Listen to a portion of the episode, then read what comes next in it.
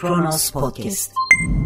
Emeklilik kimileri için artık ayaklarımı uzatıp dinleneceğim. Hafta sonunu beklemem gerekmeyecek balığa çıkmak için hanımı da alıp o diyar senin bu diyar benim gezeceğim dedikleri dört gözle bekledikleri bir dönem kimileri içinse bir kabus, bir türlü gelmesini istediği bir dönem. İşte onlar bir şekilde işlerini emekliliklerine taşıyanlar ya da emekliliklerini çevrelerine hissettirmeyecek kadar işten kopamayan, bir şekilde iş değiştiren, sektör değiştiren ama emekli olmayı kabul edemeyenler. Bunlar da kendi aralarında ikiye ayrılır. İlk grupta profesyonel hayattan vazgeçememek, daha doğrusu profesyonel hayatın getirdiği bir takım ayrıcalıklardan vazgeçememek. Maaş değil sadece sözünü ettiğimiz pozisyon, makam, mevki, o mevkinin getirdiği hükmedebilme, yönetebilme tutkusu ve diğer grupsa onlar gerçekten ben bir işin ucundan tutayım, bir hayrım dokunsun diyerek çalışma hayatından uzaklaşmayanlar. Acaba şimdi şöyle bir çevremize baksak, bunun örneklerini görmez miyiz? Kendisini vazgeçilmez sanan kimi insanların bir türlü emekliliğe geçemediği, şirketin batacağı ya da bulunduğu ortamda işlerin ters gideceğini, hatta biraz daha yükseltelim çıtayı, memleketin onsuz yapamayacağını düşünen siyasiler yok mu? Ya da onsuz partilerinin ya da düşüncelerinin başarılı olamayacağını düşünenler aslında kendi önemlerini ortaya koymaya çalışırken ne kadar çürük bir yapı inşa ettiklerini de itiraf edenler kopamıyorlar, vazgeçemiyorlar. Belli meslek gruplarında daha da çok rastlıyoruz böyle kimselere. Ki mezarlıklar aslında malumunuz kendini vazgeçilmez sananlarla dolu. Merhaba 24 Ocak 2021 Pazar günün tarihi ve Kronos Haber'de Kronos günden başlıyor. Oda TV Genelkurmay Başkanı'nın kritik yetkileri Hulusi Akar'a devredilecek.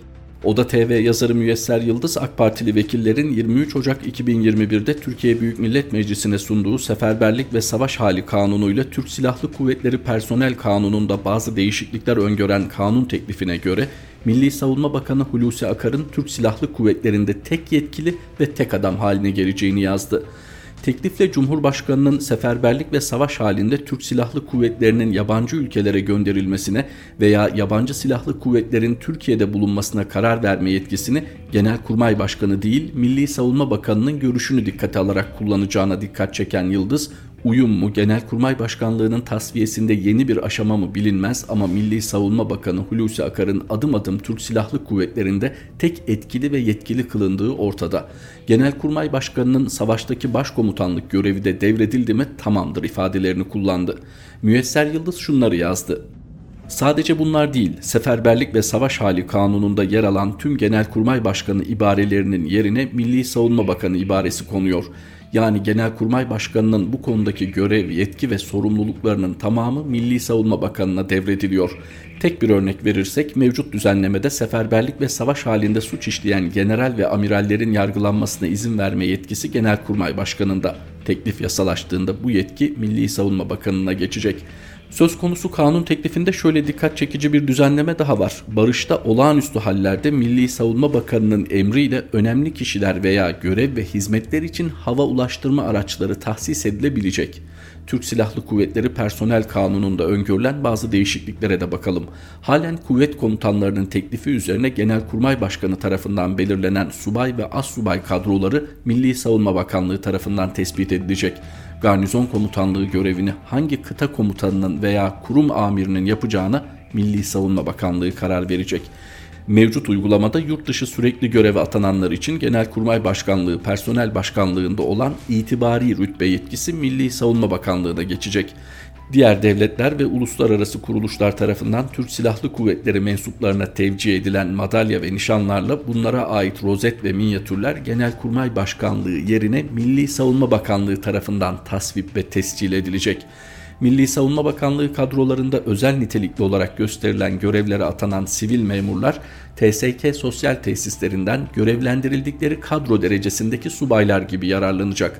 TSK mensuplarının faaliyette bulunduğu amatör spor kulüplerinin kurulmasına Milli Savunma Bakanlığı izin verecek.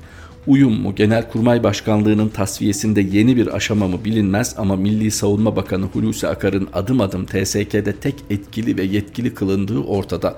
Genelkurmay Başkanı'nın savaştaki başkomutanlık görevi de devredildi mi tamamdır diyor Müyesser Yıldız Oda TV'den Kronos Haber oradan aktarıyor önemine binaen konunun. Emeklilikten bahsetmiştik hatırlıyorsunuz değil mi başlarken?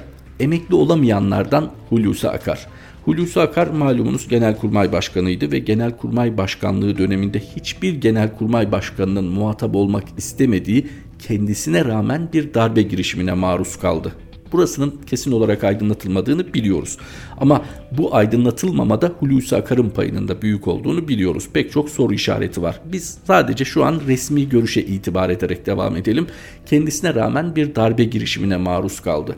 Normalde ordunun durumu düşünülerek, bundan sonra orduda yürütülecek faaliyetler düşünülerek kendisinin en azından istifası istenir, görevde kalmaması istenir böyle bir durumda. Fakat Genelkurmay Başkanı Orgeneral Hulusi Akar belki de bu darbe girişimini bastırmaktaki başarısı nedeniyle hani bize yansımadı ama siyasilerin bildiği bir başarısı olsa gerek bu başarıdan dolayı göreve devamı sağlandı. Hatırlarsınız o dönemde dere geçerken at değiştirilmez şeklinde yorumlar yapılıyordu. Neticede devam etti Hulusi Akar Genelkurmay Başkanlığına. Fakat daha sonra sessiz sedasız emekliye çekilmesi beklenir. Çünkü neticede bir darbe girişimine maruz kalmış genelkurmay başkanısınızdır. Siz düşünmüyorsanız aslında sizin üstünüzdeki siyasi iradenin öyle düşünmesi gerekir. Hayır, o kadar başarılı bir genelkurmay başkanıydı ki Hulusi Akar Milli Savunma Bakanlığı'na terfi ettirildi. Olamaz mı? Şaşırtıcı mı? Hayır değil, olabilir. Sadece biz bilmiyoruz başarılarını. Yoksa siyasiler kendisinin başarılı icraatından haberdar ama kamuoyu bilmiyor. Asker kökenli olduğu için asabi olması da hoş görülüyor Hulusi Akar'ın. Çünkü Türkiye Büyük Millet Meclisi çatısı altında bazen milletvekillerini azarlayarak konuşuyor, sesini yükseltiyor ki kendisinin daha önce de Genelkurmay Başkanlığı döneminde de böyle inip çıkan bir tansiyonu var. Çok çabuk sinirlenebildiği gibi sanki az önce bağırıp çağıran o değilmiş gibi son derece sakin bir şekilde konuşmasına devam ettiği haller de var. Neyse kişisel özelliklerini bir tarafa bırakalım. Şunu gördük biz Hulusi Akar'ın Milli Savunma Bakanlığı'nda. Hulusi Akar apoletlerinden vazgeçemiyor, konumundan vazgeçemiyor. Milli Savunma Bakanı Genelkurmay Başkanlığı'nın üstünde bir pozisyon mu? Evet ama Hulusi Akar için yetmiyor. Hulusi Akar apoletsiz de orgeneralliğine devam etmek istiyor. Bu şekilde de Genelkurmay Başkanlığı'na devam etmek istiyor. Kusura bakmasın mevcut Genelkurmay Başkanı Orgeneral Yaşar Güler ama şu şartlarda bir irtibat subayından fazlası değil. Yetmedi Milli Savunma Bakanı'na AK Partili vekiller Türkiye Büyük Millet Meclisi'ne bir teklif sundu. Seferberlik ve Savaş Hali Kanunu'yla Türk Silahlı Kuvvetleri Personel Kanunu'nda bazı değişiklikler öngören kanun teklifi. Ve bu teklife göre Hulusi Akar, Milli Savunma Bakanı'nın yetkilerini genişletiyor, Genelkurmay Başkanı üzerinden yürütülen bir takım icraatı uhdesine alıyor. Hemen şu yorumlar yapılacaktır. Bugüne kadar aslında hevesle bekleyenler tarafından işte Erdoğan'ın ayağını kaydıracak isim, Erdoğan'a karşı belki de bir kalkışma başlatacak isim. Bunların hepsi unutmayın Cumhurbaşkanı Erdoğanken oluyor. Yani Erdoğan'a rağmen olan girişimler değil. Acaba kaç AK Partili milletvekili Cumhurbaşkanı Erdoğan'ın rağmına Türkiye Büyük Millet Meclisi'ne bir yasa teklifi sunabilir? Hadi sundu diyelim ki hatırlatalım aynı zamanda AK Parti Genel Başkanı Sayın Erdoğan Nasıl olacak da AK Parti Genel Başkanı ve Cumhurbaşkanı Erdoğan'a rağmen Türkiye Büyük Millet Meclisi'nden öyle bir düzenleme geçecek? Onun için olan bitenden Erdoğan habersiz değil. Yani iddia edildiği gibi işte kuşatılmış hiçbir şeyden farkı yok. Böyle olmadığını çoğu örnek olayda gördük. Burada mesele Milli Savunma Bakanı'nın neden mevcutla yetinmediği, yetinemediği Genelkurmay Başkanı'nın üzerindeki temelde askerlikle ilgili olan bazı yetkileri de uhdesine aldığı. Bunu ilk bakışta görmek zor. Ancak bir hazırlık varsa, burada tekrar belirtelim bu hazırlık Cumhurbaşkanı Erdoğan'a rağmen olacak bir hazırlık değil. Çünkü şu an her şey onun bilgisi dahilinde yürüyor. Nasıl bir hazırlık, neye hazırlanılıyor? Bunun bir darbe girişimi olmayacağı belli. Ama toplumsal bir olay mı yoksa başka devletlerle ilgili bir hazırlık mı? Bunu ortaya çıkana kadar bilemeyeceğiz. Çünkü 14 Temmuz'daki kritik görüşmelerini bile 15 Temmuz olmadan anlamlandıramamıştık. Genelkurmay Başkanı ile Milli İstihbarat Teşkilatı Müsteşarı'nın görüşmelerini, Diyanet İşleri Başkanı'nın Milli İstihbarat Teşkilatı Müsteşarı ile görüşmeleri, AK Parti Milletvekili Emekli General Şirin Ünal'ın görüşmeleri bunlar tabi bildiklerimiz, daha sonradan öğrendiklerimiz, bir de bilmediklerimiz, bilemediklerimiz ve kendileri konuşmadığı sürece belki bilemeyeceklerimiz var. Onun için bu devir yetkileriyle ilgili şu an söylenecek her şey spekülatif ama bir hazırlık olduğu çok belli her neyse bu hazırlığın ülke lehine olup olmayacağı konusundaysa 15 Temmuz deneyimimizi düşünür ve olayın içinde yine aynı aktörlerin bulunduğunu aklımızdan çıkarmazsak pek de umutlu olmamak lazım ülke için. Perinçek, Cumhurbaşkanlığı sistemi mafyatik hükümetlerin kurulmasını getirir. Vatan Partisi Genel Başkanı Doğu Perinçek, Türkiye'nin yeniden parlamenter sisteme geçmesi gerektiğini söyledi. Habertürk televizyonunda soruları yanıtlayan Doğu Perinçek, Cumhurbaşkanlığı kabine sisteminde yeni sorunlar çıkmaya başladığını belirterek Türkiye yeniden meclise dayalı bir hükümet sistemine geçmeli. Cumhurbaşkanı etrafında kabine kurduğunuz zaman hükümet bile denmiyor, kabine deniyor. Hükümetler mecliste kurulmalı, meclise hesap veriyor olmalı. Gen soru yoluyla indirip yeni hükümeti kurmalı dedi. Cumhurbaşkanlığı sisteminde krize girdiğiniz zaman hiçbir çözümün olmadığını ifade eden Perinçek, seçime gitmek dışında Cumhurbaşkanlığı sisteminin çözümü yok. Şimdi öyledir demiyorum ama Cumhurbaşkanlığı kabine sistemi mafyatik hükümetlerin kurulmasını getirir. 5 yılda seçilen bir cumhurbaşkanı o peronda olabilir, Hitler'de olabilir. Kabineyi atıyor, kabine meclise karşı sorumlu değil, bu sağlıklı değil. Türkiye'nin bu sistemi götüreceği kanısında değilim dedi Vatan Partisi Genel Başkanı Doğu Perinçek. İçeriği kadar zamanlaması da ilginç bu ifadelerin. Cumhurbaşkanlığı hükümet sisteminden vazgeçilmeli, tekrar meclise dayalı bir sisteme dönülmeli. Oysa mevcut sistemi destekleyenler arasındaydı Sayın Perinçek. Zamanlama ve içerik dedik. Zamanlama her şeyden önce Amerika Birleşik Devletleri'nde Joe Biden'ın seçilmesiyle birlikte dünyada eseceği öngörülen demokrat rüzgar yani otoriter tutumların artık eskisi kadar tutunamayacağı en azından dünyanın en önemli aktörlerinden belki de birincisi Amerika Birleşik Devletleri'nin bu konuda bir tavır koyacağı öngörüsü. Bu öngörü yanıltır mı? Mutlaka devletler arasında bir takım alverler olacaktır, pazarlıklar olacaktır, görüşmeler olacaktır ama Biden'ın ilk günden bu yana başta kendi ülkesinde olmak üzere bu konuda hassasiyetle duracağı anlaşılıyor. Acaba Sayın Perinçek bir takım hazırlıklar için ön mü alıyor? Yani bakın biz de parlamenter sistemden yanayız diyerek parlamenter sistemi savunan diğer muhalefet partilerine buyurun mu diyor ya da acaba biz de o tarafta yer alabiliriz mi diyor. Çünkü son derece dengeli konuşuyor. Bakınız satır arasında dikkat çekecek bir husus. Şimdi öyle demiyorum ama hani bu sistem mafyatik hükümetlerin kurulmasını getirebilir. Şu an öyle değil ama kesinlikle onu ifade ediyor. Çünkü çünkü şu mevcut sistemde kendisini de koruması gerektiğini biliyor Sayın Perinçek. Şu an öyle değil ama öyle bir risk var ifadesini kullanıyor ne kadar öngörülü devlet adamlarımız varmış bizim ya da bizim devletimiz sandığımız kadar derin düşünmeyen bir devletmiş ki daha 5 senesi dolmadan yeni sistemin Türkiye için uygun olmadığı yorumları başladı. Ki yeni değil hatırlayın AK Parti içinde de bir revizyon konuşuluyordu. Sayın Cumhurbaşkanı da ifade etmişti. Sonra ne hikmetse bu konuda en ısrarcı olan MHP Genel Başkanı Sayın Bahçeli ülkenin sistemi budur şeklinde birkaç açıklama yaptığında bu konu kapatılmıştı. Fakat AK Parti içinde de bir revizyon konuşuluyordu tekrar parlamenter sisteme geçme konusundaysa hemen yine belirtelim AK Parti kesinlikle iktidar kokusunu oradan alırsa sistem değiştirmekte beis görmeyecektir. Ha bu esnada yanında kimler olur? Parlamenter sistemi savunan başta Millet İttifakı var.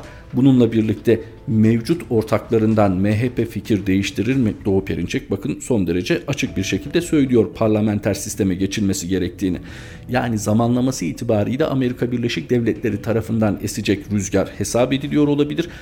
Buna ilaveten de 24 saatin siyaset için çok uzun olduğu Türkiye'de yeni bir takım oluşumların, yeni bir takım ittifakların ya da ittifakta bir takım yenilemelerin olma ihtimali belki bu konuşmaları yaptırıyor. Sorun bunların ülke lehine olup olmayacağı. Şunu çok net söyleyebiliriz.